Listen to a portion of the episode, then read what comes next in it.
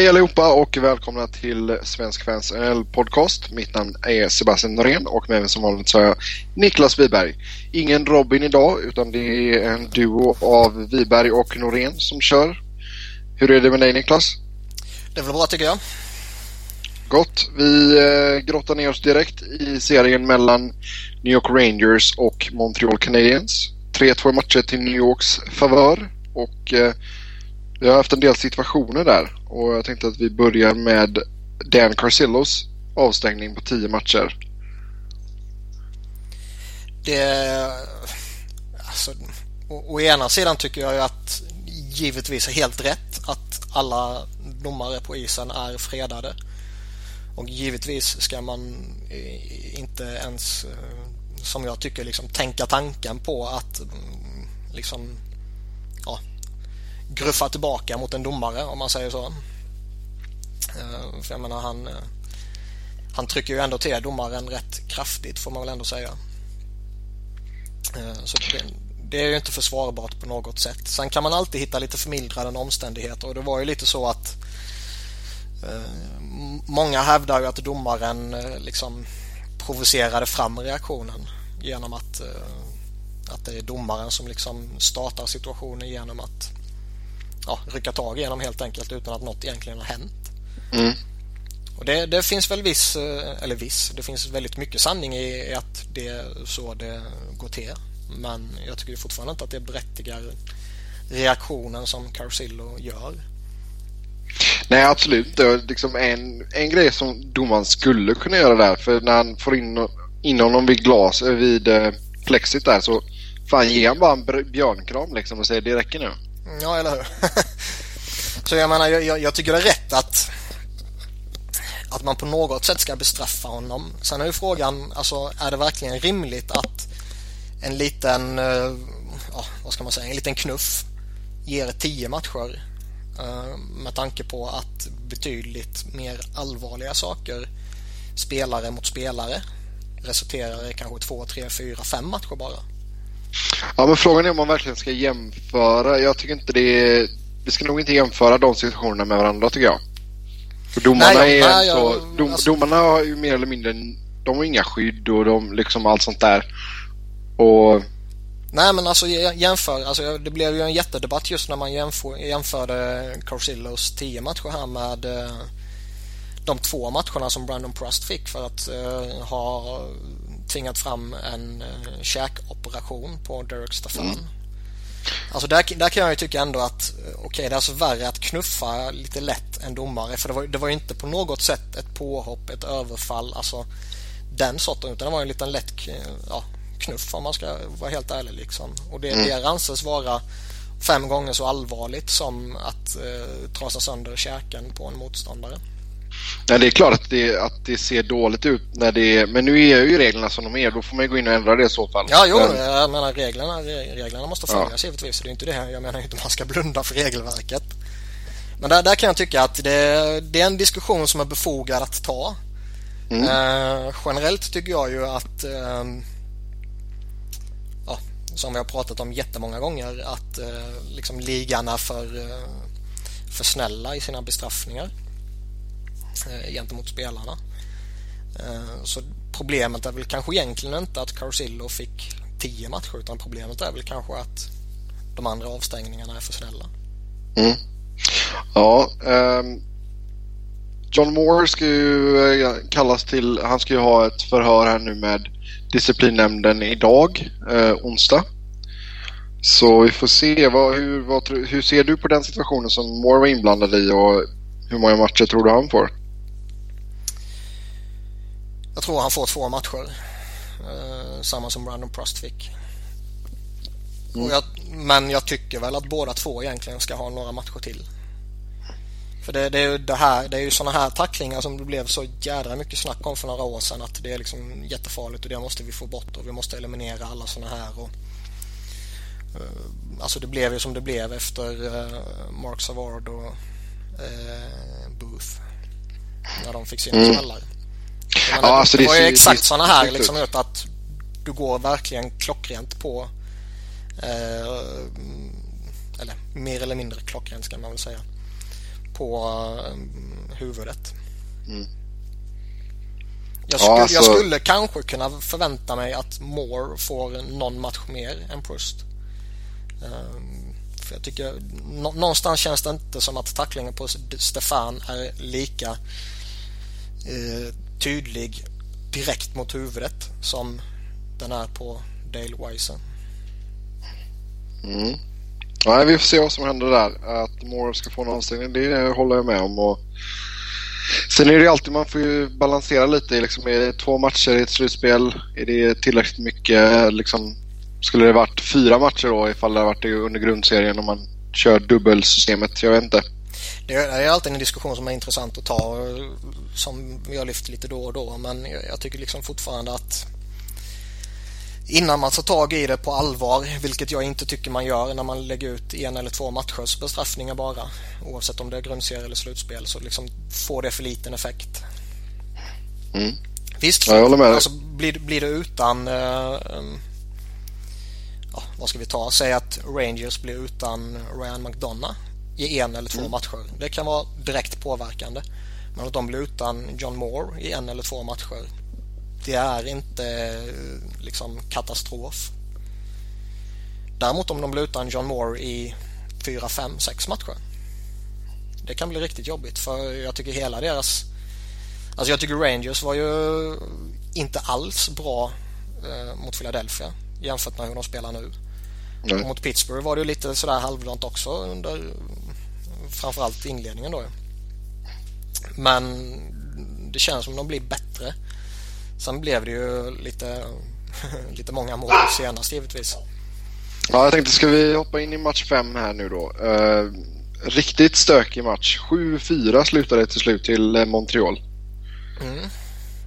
Uh, svängde lite fram och tillbaka också. Montreal var ju, ledde ju med 2-1 efter första perioden och sen gick man upp till 4-1 innan New kom tillbaka till 4-4 och sen blev det 5-4 innan perioden var slut och sen gjorde man två mål i tredje. Mm, lite underhållning. Om du inte är Rangers-supporter. Mm. uh, det var väl...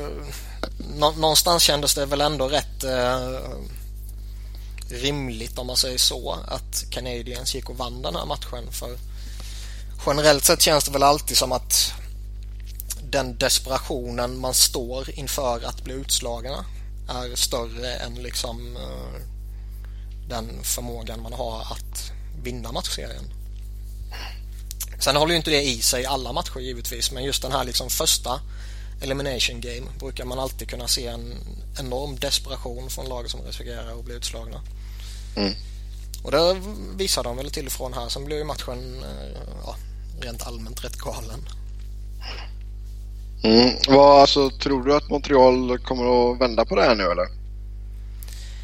Nej, det, möjligtvis. Alltså det, Carey Price har ju börjat träna lite nu igen och så här. Um, möjligtvis om man kan få tillbaka han och han uh, liksom hittar uh, den superformen som han kan hitta. Um, då kan ju han faktiskt vinna en, en matchserie mot dem tror jag. Eller för mm. dem rättare sagt säger man uh, jag, jag, tycker väl inte att uh, Dustin Tokarski har varit något problem liksom. Uh, jag tycker inte man kan på något sätt lasta honom för att man ligger under i matchserien. Men Carey Price är ju en mycket bättre målvakt givetvis. Mm. Däremot tror, tror jag liksom att Canadiens kanske fick lite blodad tand och lite större självförtroende och lite större tro på sig själva och allt sånt här när Henke Lundqvist liksom visade sig att han kan släppa många puckar och han kan bli utbytt. Mm. Det tror jag var viktigt. Jag tror väl egentligen inte det påverkar Rangers så värst mycket för de vet ändå att ja, men Henke Lundqvist är bra. Eh, det vet ju Montreal också givetvis men nu fick de bevisat för sig att vi kan göra många mål på honom. Vi kan få honom eh, eh, plockad liksom. Men samtidigt är man, alltså jag har nästan varit lite rädd där för man vet ju inte så hur, hur Lundqvist kan studsa tillbaka. Ja, det skulle inte förvåna mig ifall... väl hålla nollan nästa match. Ja. Och göra liksom karriärens match liksom. Men eh, jag, tror, jag tror inte man ska leta negativa faktorer av att ha fått Henke Lundqvist utbytt. Nej, det är klart att det inte är, är negativt ur den synvinkeln. Um, men som sagt, alltså vad, vad tror vi händer nu i nästa match? Om du får uh, leka spådam. Jag tror Rangers tar det hemma i Madison Square Garden. Mm. Uh, lite, lite som du sa så tror jag väl att Henke kommer studsa tillbaka. Det, det måste jag väl säga. Um, och som sagt, Montreal med Carey Price eller Montreal utan Carey Price är två olika lag.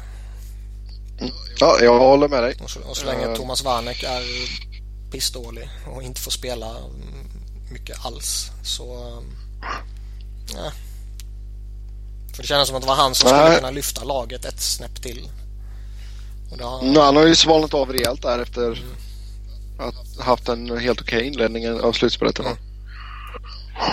Ja, vi får se. Jag håller med dig som sagt. Jag tror också att Rangers tar detta i nästa match. Uh, vi går vidare då till Chicago och LA. Um, ehm, där eh, Kings har ett ypperligt tillfälle att eh, slå ut Chicago eh, natten till torsdag. Alltså i, natt då. Vad har du gillat av det du har sett av Kings i den här serien? Ingenting. Däremot har de gjort mycket bra. Um, nej då, skämt åsido. De, det känns väl som att uh, jag tycker väl det är så att det, är Kings som har varit bra. Och det är mm. därför det står som det står. Det är inte liksom Chicago som har varit dåliga och inte liksom nått normal nivå och det är därför som Kings lite tursamt gått upp i ledning. Det, jag tycker inte alls det är så. Utan det är verkligen Kings som har varit bra. Um, innan matchen drog igång så kändes det väl kanske lite som att eh, Chicago rakt igenom var bättre. Eh, undantaget målvaktspositionen. Eh, så känns det ju inte alls längre. Nej. Utan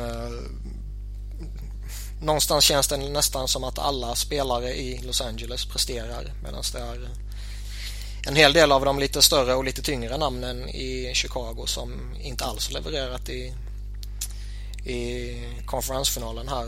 Alltså du har ju Kane, Sharp, Hossa som tillsammans gjort ett mål. Det är ju ett rejält underbetyg. Nej men jag menar då vinner du ingen konferensfinal mot Los Angeles. Nej. Nej absolut inte. Nej men alltså det var ju alltså inför match tre så eller inför match fyra menar jag så man var ändå så lite sådär bara ska Kings verkligen kunna gå upp 3-1 mot Chicago? Ja det låter lite galet i sig.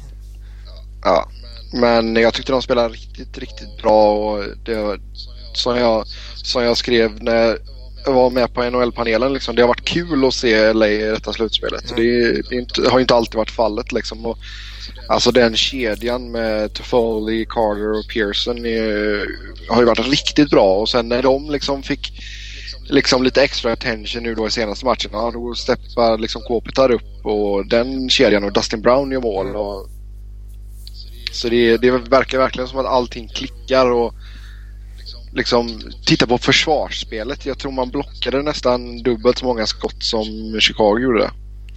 Sen en jätteviktig faktor det är ju som man kanske inte gav tillräckligt stor uppmärksamhet inför matchserien. Det är ju faktiskt centerpositionen. Där det känns som att Kings är eh, flera mil före Chicago. Hans Kopitar är ju Consumer Trophy-värdig. Jeff Carter har ju klivit fram föredömligt här. Stoll och mm. Richards är ju gedigna centra för den rollen de har givetvis. Medan ja, alltså... Chicago, ja, de har kanske den bästa centern då i Toews. Men bakom honom är det ju tydlig fördel Kings. Mm. Ja absolut, jag tycker Taves har ju verkligen gjort allt han har kunnat. Eh, jag tycker han har varit jättebra detta slutspelet.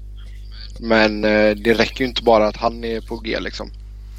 Nej, och liksom det... De saknar ju faktiskt... Alltså det har ju varit en, ett, ett hål i deras eh, ja, centerposition i den andra kedjan. Eh, alltså en andra mm. center har ju saknats i dem, eller hos dem rätt länge. Och det är kanske en sån faktor som jag ser påmind nu när man möter ett lag som har fyra stycken riktigt bra centrar. Mm.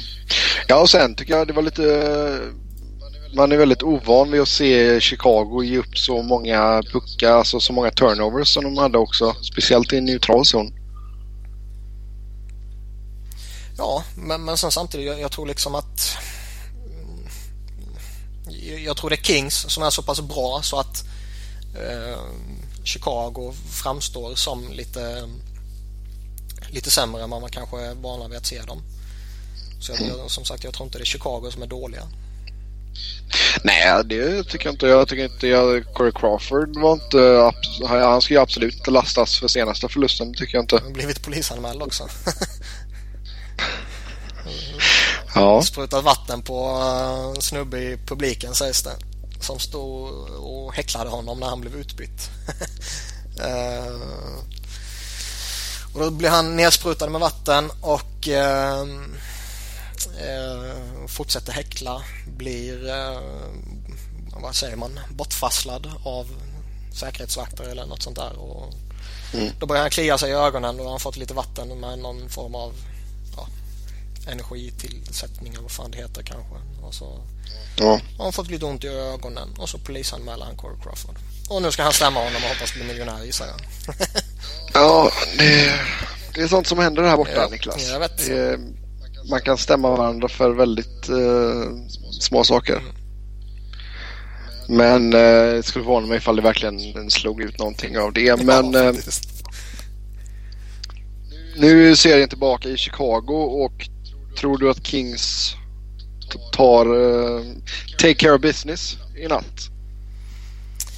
Nej, det tror jag inte. Jag tror att nu när man har gått upp till 3-1 tror jag man kommer ta sig till final. Men jag tror nog inte man avgör i natt. Just lite så som går tillbaka till det jag var inne på när vi pratade förra serien. Att eh, desperationen för det eh, laget i underläge i Elimination Game kommer vara mm. rätt stort. Och med tanke på att det är just Chicago så tror jag det kommer bli en, en fruktansvärd svår match för Los Angeles.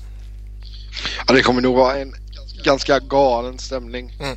Eh, i natt kan man ju lugnt ja, säga. Ja, det kan vara en jävla tryck där. Den, den publiken är ju skogstokig i vanliga fall så. Ja, nej det kommer säkert att vara skitbra ju. Uh, sen visade ju Kings att man kan hantera det när, med tanke på att man gick 1-1 därifrån. Mm. Nej, alltså, jag tyckte det, det var inte så mycket. Jag såg en hel del eh, alltså grymt hatiska tweets av Chicago-fansen efter förra matchen. Ja, det är rätt. Um, så det liksom de klagar på allt ifrån att uh, Kings-publiken uh, liksom skriker Crawford uh, till att man har serpentiner efter man har vunnit en match. ja, så det ska vara. Ja. Nej men alltså det är, det är kul alltså. Det, det här är två bra lag och jag tycker även fast Chicago säkert har mycket fler och mer högljudda anhängare så tycker jag inte så det har ett bra tryck i Staples Center också.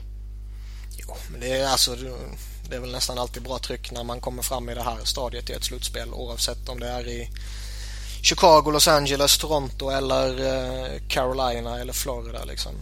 Kommer man till konferensfinal tror jag alltid det kommer finnas ett, ett upphypat intresse. Mm. Ja, det där bra trycket i Florida, det var ett tag sedan. Ja. Ja, ska vi... Eh, vad tror vi då? Jag, säger, jag, jag tror fortfarande att det blir Kings i sju matcher. Hur många matcher tror du det tar innan Kings är i final? Sex matcher. Sex matcher, okej. Okay. Jag tror ja. Chicago tar det här, sen avgör Kings hemma i LA. Okej, okay, ja vi får se. Vi får se. Vi eh, går vidare och jag ska prata om några kontrakt som har skrivits och eh, vi börjar med Joakim Lindström som skriver på First St. Louis Blues ett ettårskontrakt värt 700 000 dollar. Uh, grattis till Mr Lindström. Ja. ja, alltså det är en jävligt intressant situation det här för han, han har ju visat i elitserien och i BM och lite sånt här att det är en duktig spelare givetvis.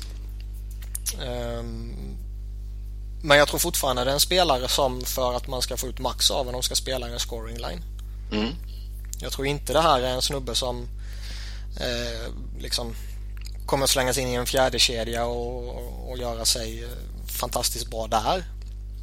Utan jag tror han måste spela i en scoring line för att, för att vara effektiv och för att eh, ja, helt enkelt trivas och vilja vara kvar. Um, så så sätt är ju St. Louis ett väldigt intressant alternativ med tanke på att de brukar rulla tre kedjor ehm, med hyfsad, eh, vad ska man säga, ja, hyfsat jämnt liksom. Mm. Så det, det, tror jag kan vara ett, ett väldigt klokt val av honom om han lyckas slå sig in i topp 9. Lyckas han inte slå sig in i topp 9 så tror jag det kan bli rätt jobbigt för honom i St. Louis. Mm, ja, det håller jag med Så det, det, är en rätt intressant situation där, så, där det verkligen kan bli jättebra för honom men där det också kan bli, vad jag tror, rätt jobbigt för honom. Um, så, sen beror det väl på lite också. Det, det, känns väl som att en Derek Roy kommer försvinna. Steve Ott känns väl kanske lite mer tveksamt men det känns väl inte direkt skrivet i sten att han kommer bli kvar heller. Eh, sen har de lite RFA, så här, vad händer med Patrik Berglund till exempel? Sobotka och Schwarz lär väl givetvis resignas. Jag skulle bli mycket förvånad annars. Jag menar, han, han har ju ett rätt bra slagläge här tycker jag ändå. Mm, absolut, samtidigt så känns det väl som att han är lite mer förberedd och tar klivet över den här gången. Ja, men, men eh, det trodde man väl. Alltså, han var ju inte en duvunge när han klev över eh, senast där för några år sedan och gav upp eh, bara efter vad var det, 15-20 matcher när han var i Colorado. För då hade han gjort fina siffror i, i Skellefteå då också liksom och lirat i KHL och lite sånt här. Och, eh, hade ju ändå, det var inte lång tid sedan han var i, i NHL sitt, sin första runda där då liksom.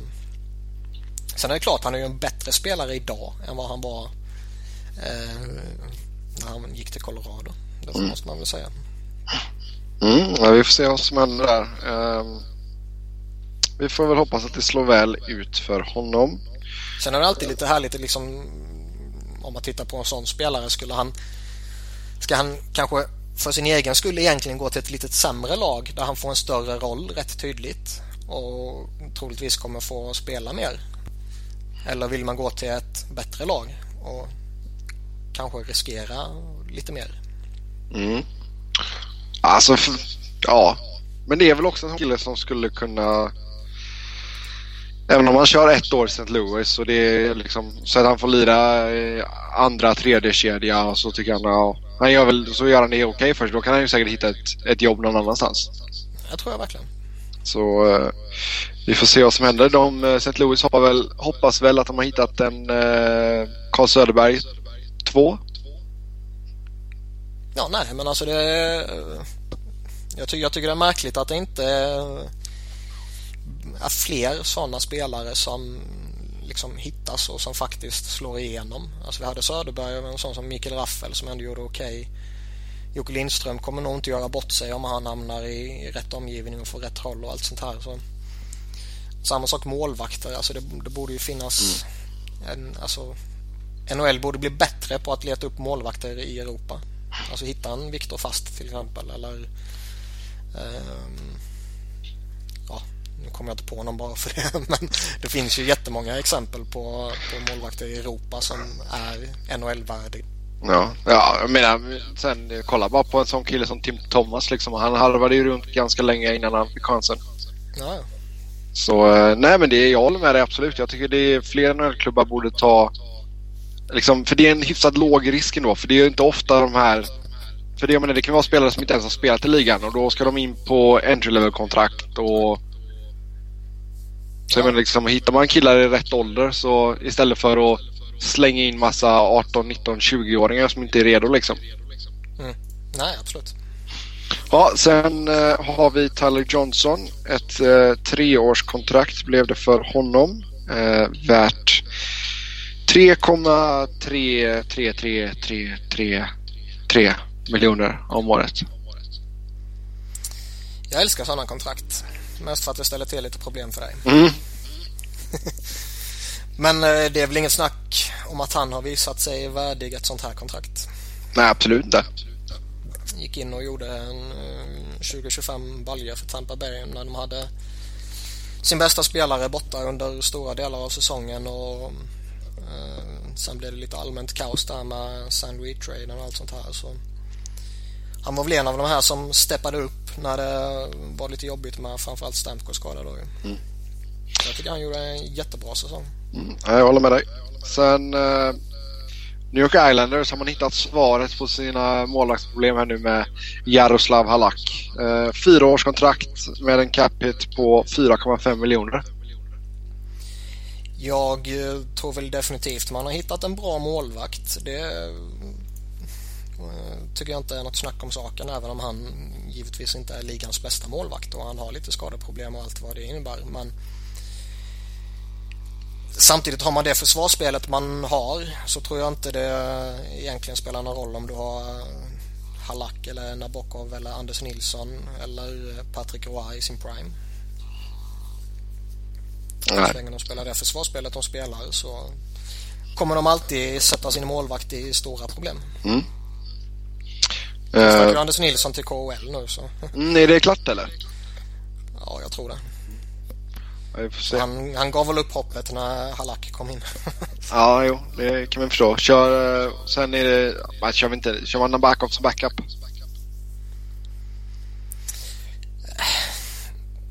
Det känns väl som att de kanske ändå vill ha lite rutin bakom Halak med tanke på ja, framförallt skadehistoriken som ändå har funnits där och det finns en liten osäkerhet.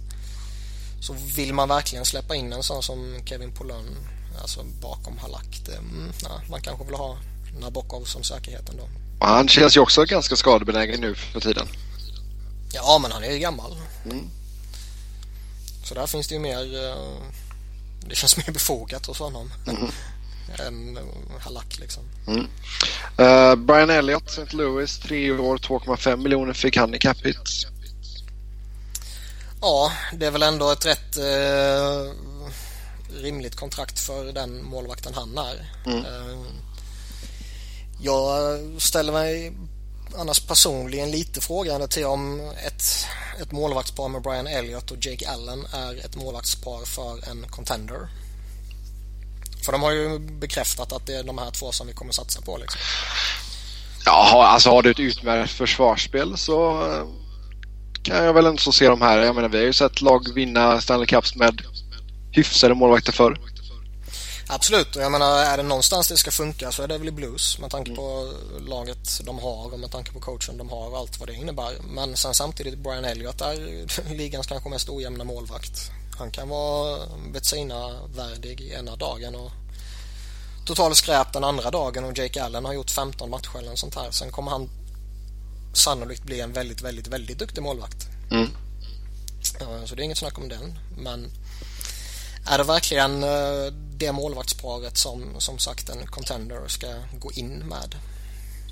Mm, ja, nej, det är frågan. Där ställer jag, ja, jag ställer mig lite frågan till det. Samtidigt så kan jag inte tycka det är ett dåligt målvaktspar. Det känns mer liksom att är man en fullskalig contender så vill man ändå ha en lite mer uh, trygghet på målvaktspositionen. Ja, det är klart. Sen, det, sen, men, sen menar jag kanske inte att man skulle förlängt med Ryan Miller för det visade sig vara rätt eh, kast ju. Mm. Uh, finns, eller gick väl inte alls uh, som man hade hoppats givetvis. Um, och den traden framstår ju nu som kanske en av de sämre på de senaste åren. Mm.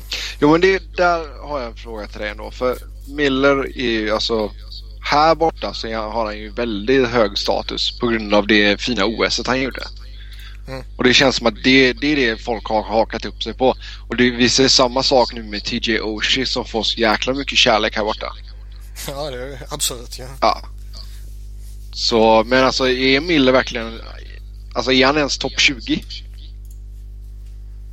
Ja, men det tycker jag nog ändå. Sen är väl problemet är väl att jag skulle säga att Ryan Miller är topp 20 definitivt idag och jag tror definitivt han är det om ett år också. Problemet är väl bara att han nog inte kommer vilja ha ett två eller treårskontrakt. Utan han kommer nog vilja ha kanske upp mot fem sex år. Mm. Och där skulle jag ju ställt mig väldigt frågande till om han är så pass duktig som han är idag. Om han är lika duktig om fyra år till exempel. Mm. Ja, där, där, där är jag lite suspekt. Men han har väl hunnit fylla 34 nu också? Ja, han är 33 eller 34, jag vet inte. Mm. Eller om han fyller över sommaren eller något sånt här. Så jag ja. menar, det, det, är ändå lite frågetecken på honom där. Och generellt sett så är man ju alltid lite frågande till att skriva långa kontrakt med en målvakt. Mm. Ehm, och man bör ju definitivt bli det när han kommer upp i, i den åldern som han är nu. Mm. Så det är väl snarare där problemet ligger med Ryan Miller. Det är liksom att vill man verkligen skriva det här långtidskontraktet med honom? Mm, nej, det är som sagt, det hade jag ställt mig väldigt frågande till. Om jag var GM eller assisterande GM. Mm. Uh, Jaromir Jagr kör ett år till i New Jersey. Uh, 3,5 miljoner i lön och sen kan han få ytterligare 2 miljoner i bonusar ifall han gör lite mål och sådana grejer. Ja, jag tror snarare det var spelade matcher faktiskt. Ja. Ah. Har jag för mig jag läste någonstans. Men det, Men det, det är det skitsamma, det är 2 miljoner. Ja, jag tänkte säga det. Jagr missar inga matcher ändå så det... Nej, eller hur? så det är bra av honom ifall han har snikit in det kontraktet. Ja, definitivt. Mm. Ja, vi eh, byter ämne och eh, fortsätter vår diskussion från förra veckan om eh, klubbar som har bytt eh, GMs och coacher och sådär. Och eh, hoppar in på Washington som har gjort klart med Brian McLellan som GM och Barry Trotz som ny head coach. Mm. Eh... Good luck! Nej, men jag, jag tror väl att Barry Trotz tror jag kan eh jag, jag tror han kan göra, tyvärr, tror jag att han kan göra något bra med Washington. Men det här, eh, alltså Niklas, lyssna på mig nu. Washingtons lag är inte tillräckligt bra.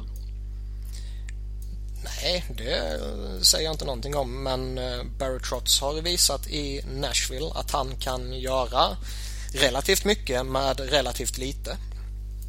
Eh, så även om det finns lite vibbar tillbaka till Hunter-experimentet som inte gick jättesmidigt i Capitals givetvis.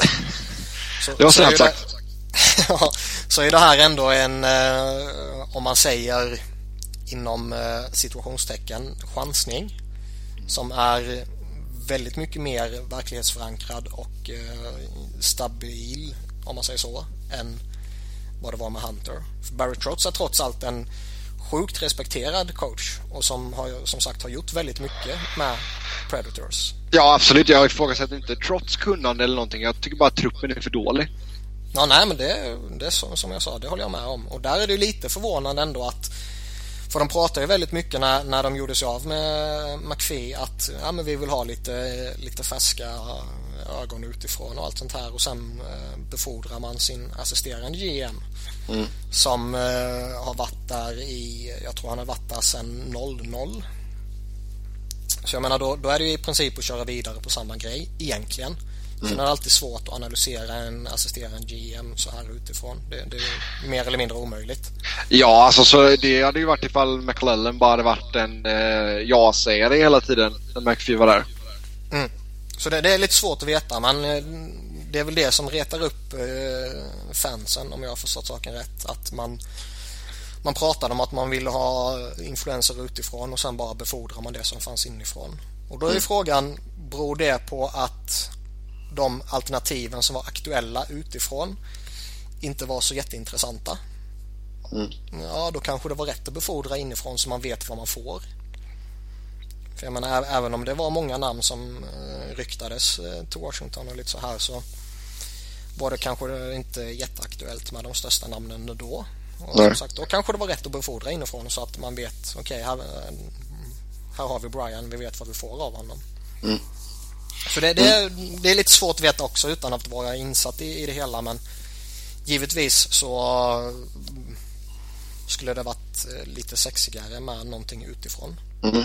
Ja, nej, jag får se vad som händer. Som sagt, det, de behöver göra mycket jobb med den truppen. Alltså. Det, mm. det, finns sen, ett, det finns ett par riktigt fina namn i den truppen. Alltså, det, jag inte all, det är inte bara hat här utan det är jag menar Ovechkin, Bäckström, eh, Kuznetsov, John Karlsson. Visst, det finns bra spelare i truppen men alltså bredd, bredd, bredden är ju obefintlig. Så är det. Sen är det ju lite intressant också med liksom just det här att du går från att dina nyckelspelare är Shea Weber och Pekka Rinne eh, till att ha Bäckström och Ovechkin. Alltså det, det, är ju en rätt stor eh, förändring för mm. Barry Trotz. Jag menar, det är ju det är en jävla skillnad på att styra upp ett försvarsspel där du har Shea Weber som du kan spela 30 minuter och du har Pekarinne bakom honom mm. mot att gå in och ha liksom, inget ont om John Carlson men John Carlson är inte Shea Weber och Braden Holtby är inte Pekarinne. Nej. Så där, där kommer han ju få en stor utmaning. Sen går det ju också lite, lite snack här om att Barry Trotz kanske kommer ha en del att säga till om mer än vad kanske random coach har när det kommer till om man säger GM-sysslan. Mm. Just med tanke på att de befordrar internt. Så det, men det, där vet man ju inte vad, vad som är sagt heller givetvis. Men jag, jag tror tyvärr som sagt tror jag att eh, Caps kan få ett litet lyft av det här och jag tror väl att en sån som Barry Trotz bör kunna få Alexander Ovechkin till att fungera. Mm. Eh, alltså fortfarande göra sina mål men kanske bli en, den här tvåvägsspelaren som man kanske ska vara om man tjänar de pengarna som han gör. Mm. Ja, vi får se vad som händer i eh, uh, DC. Vi går vidare till Carolina och uh, där ersatte man uh, Jim Rutherford med Ron Francis och sa tack och hej till Kirk Muller. Och jag såg något rykte om att Ulf Samuelsson kanske ska vara på tapeten att ta över Hurricanes. Ja, det läste jag också. Det känns väl eh, givetvis vore det jätteskoj med en svensk headcoach. Eh, men han eh, vart väl inte jättelyckad som headcoach när han har varit det. Mm. Eh, så det Sen tror jag det var väl inte direkt Darren Dreger eller Bob McKenzie som spred det där ryktet utan det var, nu kommer jag inte ihåg exakt vem det var men det var någon sån här random snubbe. Så det ska man väl ta för vad det är. Ehm, så jag, jag väl inte jag väl inte direkt toksåld på Tuffe Uffe som headcoach. Sen samtidigt finns det en rätt naturlig koppling där med Ron Francis och Uffe Samuelsson. Mm. Tidigare lagkamrater och allt vad det innebär. Mm. Om vi tittar på Carolinas trupp då. Vad, vad tycker du att man behöver eh, koncentrera sig på nu eh, under off-season? Den stora snackisen är Cam Ward. Um, vad man ska göra med honom. Ehm, och där har vi haft lite delade meningar tidigare. Jag tycker det är en duktig målvakt fortfarande. Robin tycker det är en skräpmålvakt. Men eftersom Robin inte är med idag så kan han dra åt helvete. Och så bestämmer ja. vi att Cam Ward fortfarande är en bra målvakt. Um, han, han, är, han är bra när han är frisk. ja, och det är väl där problemet ligger. Liksom. Han, han, måste bli frisk och jag tror ändå det är en målvakt som uh, kanske skulle må bra av lite miljöombyte ändå. Mm. Ja, jag tycker Hodobin eh, kom in och gjorde det bra också liksom. Så... Ja, och jag, menar, jag, jag tycker ändå han har visat att ja, han kanske förtjänar att få chansen nu. Mm. Um, Frågan är ju då om man kan göra sig av med Cam Ward utan att ta tillbaka en eh, målvakt som sitter på ett hyfsat dyrt kontrakt också. Eh, jag för mig, jag har nämnt det tidigare, men det vore lite intressant med typ Cam Ward till Pittsburgh och Mark Andrew Fleury till Carolina kanske. Mm. Eh, hur intresserad är Vancouver av att ta in en en dyrare målvakt eller vågar man köra vidare med det svenska paret liksom. Och så jag, jag, tror ändå det finns en, en viss marknad. Um, så det, det, ska bli, det ska bli spännande att följa just den situationen. Mm. Sen pratas ju mycket om Eric Stahl också. Om det liksom, ska, ska man bygga vidare med honom eller ska man försöka bygga nytt och bygga om? För man har ju lite spännande unga spelare på gång ändå. Alltså du har en Elias Lindholm och Jeff Skinner som man trots allt fortfarande får räkna som yngre. Eh, du har en Jordan Stahl som man nog ändå är rätt fast med tror jag med tanke på kontraktet. Då är frågan, gör man honom arg och förbannad och känner han sig sviken om man tar dit honom och sen skeppar ut brorsan direkt liksom? Mm. Ja, om något så borde de ju försöka få över Mark. ja, Eh, så jag menar det, det, är också en sån här, eh, även om det, jag tror att det till viss del skulle gynna organisationen att eh, kanske överväga att eh, bygga om utan Eric Stahl och använda Eric Stahl till att få in lite eh, ja, pjäser för att bygga om med helt enkelt. Så kan du faktiskt få en effekt på Jordan Stahl som man trots allt bör ta med i beräkningarna. Mm. Ja, det, det håller jag med dig om till fullo. Um, det som jag tycker saknas i Carolina det är väl ändå så den här stjärnbacken. Givetvis. Uh, eller, eller även en potentiell stjärnback liksom. Jag tycker, ja, Justin Falk är ju han är lovande. och kommer han är bli lovande. bättre. Men han är ju inte på den nivån ännu. Nej. Uh, och utöver honom så liksom, ja visst de har Lyles och Secker och Harrison och Ryan Murphy och det är väl inte hästskit liksom men det är ju inte fantastiskt heller. Nej. Och frågan är liksom Ron Hainsey, kommer han bli kvar? Vad händer med Johnny Pitkanen? Det går snack om att han kanske måste lägga av med tanke på skadan. Sen samtidigt så har han spelat så pass många matcher och varit skadad så pass länge att eh, man kan skriva ett eh, ett ettårskontrakt med honom och ge honom eh, massa bonusar och allt sånt här lite som, som Jäger där då att man får eh, prestationsbaserat kontrakt liksom att hur många matcher kommer du spela och allt sånt här. Så där, där finns ju alltid en, en eh, man kan chansa med honom och se vad som händer. Mm.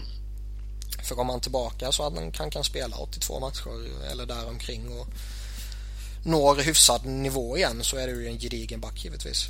Ja, absolut. Men det, alltså den skadan var otäck. Ja, verkligen. Ja. Mm, vi får se vad Carolina hittar på i sommar. Det är väl ändå ett av de lagen som man eh, får kolla lite extra på för det lär ju hända saker i alla fall. Eh, sen eh, Pittsburgh och eh, man sa hej då till Ray Shero.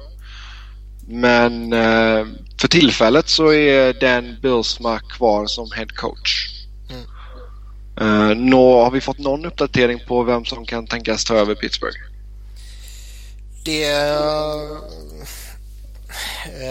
det var rätt mycket snack om att, nu, nu, har jag tappat namnet, men Crosbys agent var det rätt mycket snack om ju. Det mm, ju, var, vad är det han heter? Heter han Britten eller någonting? Ja, något sånt. Det, det har ju förnekats. Han, han sa ju nej, han vill fortsätta som agent. Han har väl mm. rätt han har väl rätt fett betalt där också, så det kan man ju fatta. Ja. Eh, sen tror, tror jag inte det har varit så värst mycket mer snack. Eh, utan det, ja, det pratas väl lite om lite assisterande GMs runt om i ligan och Pierre Maguire och lite sånt här också. Och det vore fantastiskt skoj givetvis ju. Mm. Eh, däremot känns det väl som att ett, eh, det bör väl hända någonting snart. För mm. um, jag menar draften närmar sig med stormsteg och Ska du ta in en GM utifrån så vill man ju gärna ge han i alla fall två, tre veckor minst eh, innan draften eh, för att kunna sätta sig in i laget och allt vad det innebär. Mm. Pittsburgh släpper en bomb och anställer Mike Milbury. ja, det vore fantastiskt skoj. sen, sen är det också det här liksom att vill man vill man eh, att den nya general managern ska få besluta om vem som ska vara coach så har ju det också en tidsfaktor. För jag menar ju längre man väntar desto tunnare kommer troligtvis marknaden bli. Mm. Och det var väl därför man valde att inte göra sig av med Dan Bylsma. Just med tanke på uh, osäkerheten på vilka alternativ som kan finnas kvar. För jag, ty jag tycker ju fortfarande att okej, okay, skulle du sparkat båda två så måste du låta den nya general managern ta sin coach. Mm. Så att man inte liksom sparkar Bylsma och sen plockar man upp uh, Barry Trotz till exempel och sen försöker man hitta en GM efter det och en, då kanske en ny GM kommer in och blir tvåtvingad en, en coach som inte alltid fungerar jättebra när, det blir på det sättet. Mm. Nej, jag håller med dig. Där, där, tycker jag väl ändå det finns rätt stor uh, rimlighet i att man valde att uh, sitta kvar med Dan Bylsma. För man vet vad man får uh, om det skulle visa sig att coachmarknaden när en ny GM på plats är jätte, jättedålig. Mm. Jag läste ju, läste ju något rykte om att Mike Keenan var på tapeten där. Det var ju skönt ju. Han är härlig. Ja, skogstokig. Uh, men sen är det ju problemet med truppen också. Pittsburgh har ju väldigt, vi har pratat om detta förut, men väldigt mycket pengar uppbundna i ett fåtal spelare och man behöver en helt ny bottom six och man har ungefär 16, runt, jag tror det är runt 16 miljoner att räkna med. Ja. Uh, jag tror att någonting kommer hända. Uh, men jag är väl kanske inte helt övertygad om att det blir något sånt superstort. Eh, jag tror väl till exempel inte att Chris Letang skeppas och jag tror väl kanske inte heller att James Neal skeppas. Om, sen går det ju lite spekulation där om han har craft en trade eller, eller inte där han själv har förnekat det. Men det behöver ju inte betyda någonting alls egentligen. Nej. Det snackas lite om att han har krävt en trade om Bylsma sitter kvar. Mm. Så det, det, det, vet man ju inte vad som är sant eller inte där, givetvis. Men frågan är ju ändå, vill, vill man sära på ett sånt fint eh, par som de ändå har i Neil och Malkin i normala fall då? Så det, ja, nej, jag, jag, jag, tror väl möjligtvis att kanske en sån som Rob Scuderi får uh, uh, ja, släpps ut på en marknad. Sen har han en uh, no trade-klausul så han har ju viss inflytande på var han eventuellt kan hamna men jag, jag, tror man försöker skapa lite löneutrymme på något sätt och jag tror väl inte man gör det genom att skeppa någon av de stora. Jag tror inte man gör det. Men hur, alltså, hur ser det... Jag kan inte... Jag kan ärligt erkänna att jag inte har jättebra koll på Pittsburghs farmarlag. Um, men alltså finns det några alltså, offensiva talanger eller även liksom spelare som skulle kunna gå in i en tredje eller en fjärde kedja? De har ju några sådana där som man kan slänga in och som gör ett hyggligt jobb och som ändå med tanke på vilka skadesituationer de hade den här säsongen så var det ändå en del spelare som fick lite chanser men jag tycker många av dem ändå är spelare som eh, har visat sig att över tid räcker man inte till. Däremot är man fullgoda ersättare när du har en spelare som är skadad och borta i 3, 4, 5 matcher. Mm. Då är det kanske inga problem. Ta en sån som Harry Solnacek som, som var i Philadelphia tidigare till exempel. Nej, för det känns, ju, det känns ju som att man har en hel handfull med lovande backar som är på väg upp men... Backar har man ju åt helvete för många av nästan. Ja. Med tanke på att man ändå har eh, alltså många duktiga backar uppe i NHL redan. Eh, så kom det ännu mer underifrån. Så där har, där har man ju definitivt en eh, alltså någonting värdefullt om man ska snacka trades. Mm. Problemet där då är ju att okej, okay, du kommer få något bra om du offrar en eller två eller kanske tre av de här backarna. Men du kommer inte skapa dig löneutrymme. Nej, alltså det skulle vara om du kör prospect mot prospect eller vad man ska säga. Um, och får in billiga killar på det sättet. Mm. Uh, men sen alltså, vad tror du om Matt Niskanen? Blir han kvar eller? Jag tror inte han kommer få plats uh, lönemässigt då. Uh, alltså vad kan man förvänta sig att han kräver efter en så, så pass bra säsong som han ändå gjorde? Jag tror han kommer uh, kunna ligga betydligt närmare 6 miljoner än 5 miljoner. Om man säger så. Mm. Um, han gjorde ändå rätt rejält med poäng. Han har visat sig vara pålitlig tvåvägsspelare. Han är högerfattad. Det är alltid jätteattraktivt på, på marknaden liksom. Uh, och han har en gedigen erfarenhet. Uh, han är bara 27 bast. Uh, så jag menar att slänga upp ett sexårskontrakt till exempel på honom är ju åldersmässigt inga problem. Nej. Sen kan man alltid ställa sig frågande till om han är på riktigt eller om den här säsongen var lite av en one-hit wonder. Mm. Ja, vi får se. Det känns ju ändå som ett av de hetare namnen eh, på backsidan i alla fall om han skulle gå till Free Agency. Jag skulle väl till och med säga att han är det hetaste. Mm. Det finns lite, lite Dan Boyle och lite Andrei Markov och Eh, några sådana där, alltså veteraner, pålitliga. Eh, man vet vad man får men man kanske bara får det två år max. Eh, Niskanen som sagt eh, lite mer chansning. Men eh, finns ändå betydligt, om man tittar tidsperspektiv, finns det betydligt större potential. Ja, absolut. Det är en kille som fortfarande kan lära sig ett och annat. Medan som du sa där, Markov och Boyle är närmare 40 än vad de är 30. Så. Mm, nej, vi får se, men det, ja, det känns svårt alltså. Om Pittsburgh kanske på något sätt kan göra sig av med Flurry utan att käka lön tillbaka så... Men sen samtidigt så då, då lär de ju troligtvis gå efter en målvakt som ligger på en, en liknande nivå kanske. Eh, lönemässigt då. Mm, jo, det är i och för sig sant. För jag, jag, tror inte Pittsburgh, alltså med tanke på att du har Malkin och Crosby och du har eh, liksom Kunitz, Neil och du har Letang och du har Paul Martin så jag menar, man vill ju inte offra ett år eller två på att försöka spela ihop något nytt och, och, och sådär liksom. Eh, det, det, tycker jag är, är slöseri med, med den talangen man har i truppen. Mm. Utan Pittsburgh, med, med, så länge de har den stommen de har, måste ju gå för att vinna nu. Um, och det tror jag man kommer göra genom att antingen ha kvar Flurry eller ha en målvakt på ett liknande kontrakt i alla fall. Eller liknande capita rättare sagt. Mm. Mm, nej, vi får se vad som händer och fötter. Det är, mm, snart börjar silly season eller vad man ska kalla det.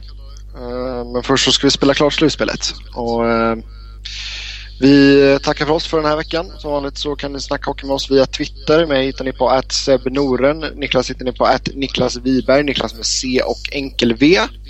Eh, lämna era kommentarer om vad ni tycker att de olika lagen borde göra under offseason eh, när det kommer till, eh, ja vissa ska ha tränare, vissa ska ha GMs och vissa behöver göra en och annan trade. Så kom med era förslag i kommentarsfältet så hörs vi igen nästa vecka.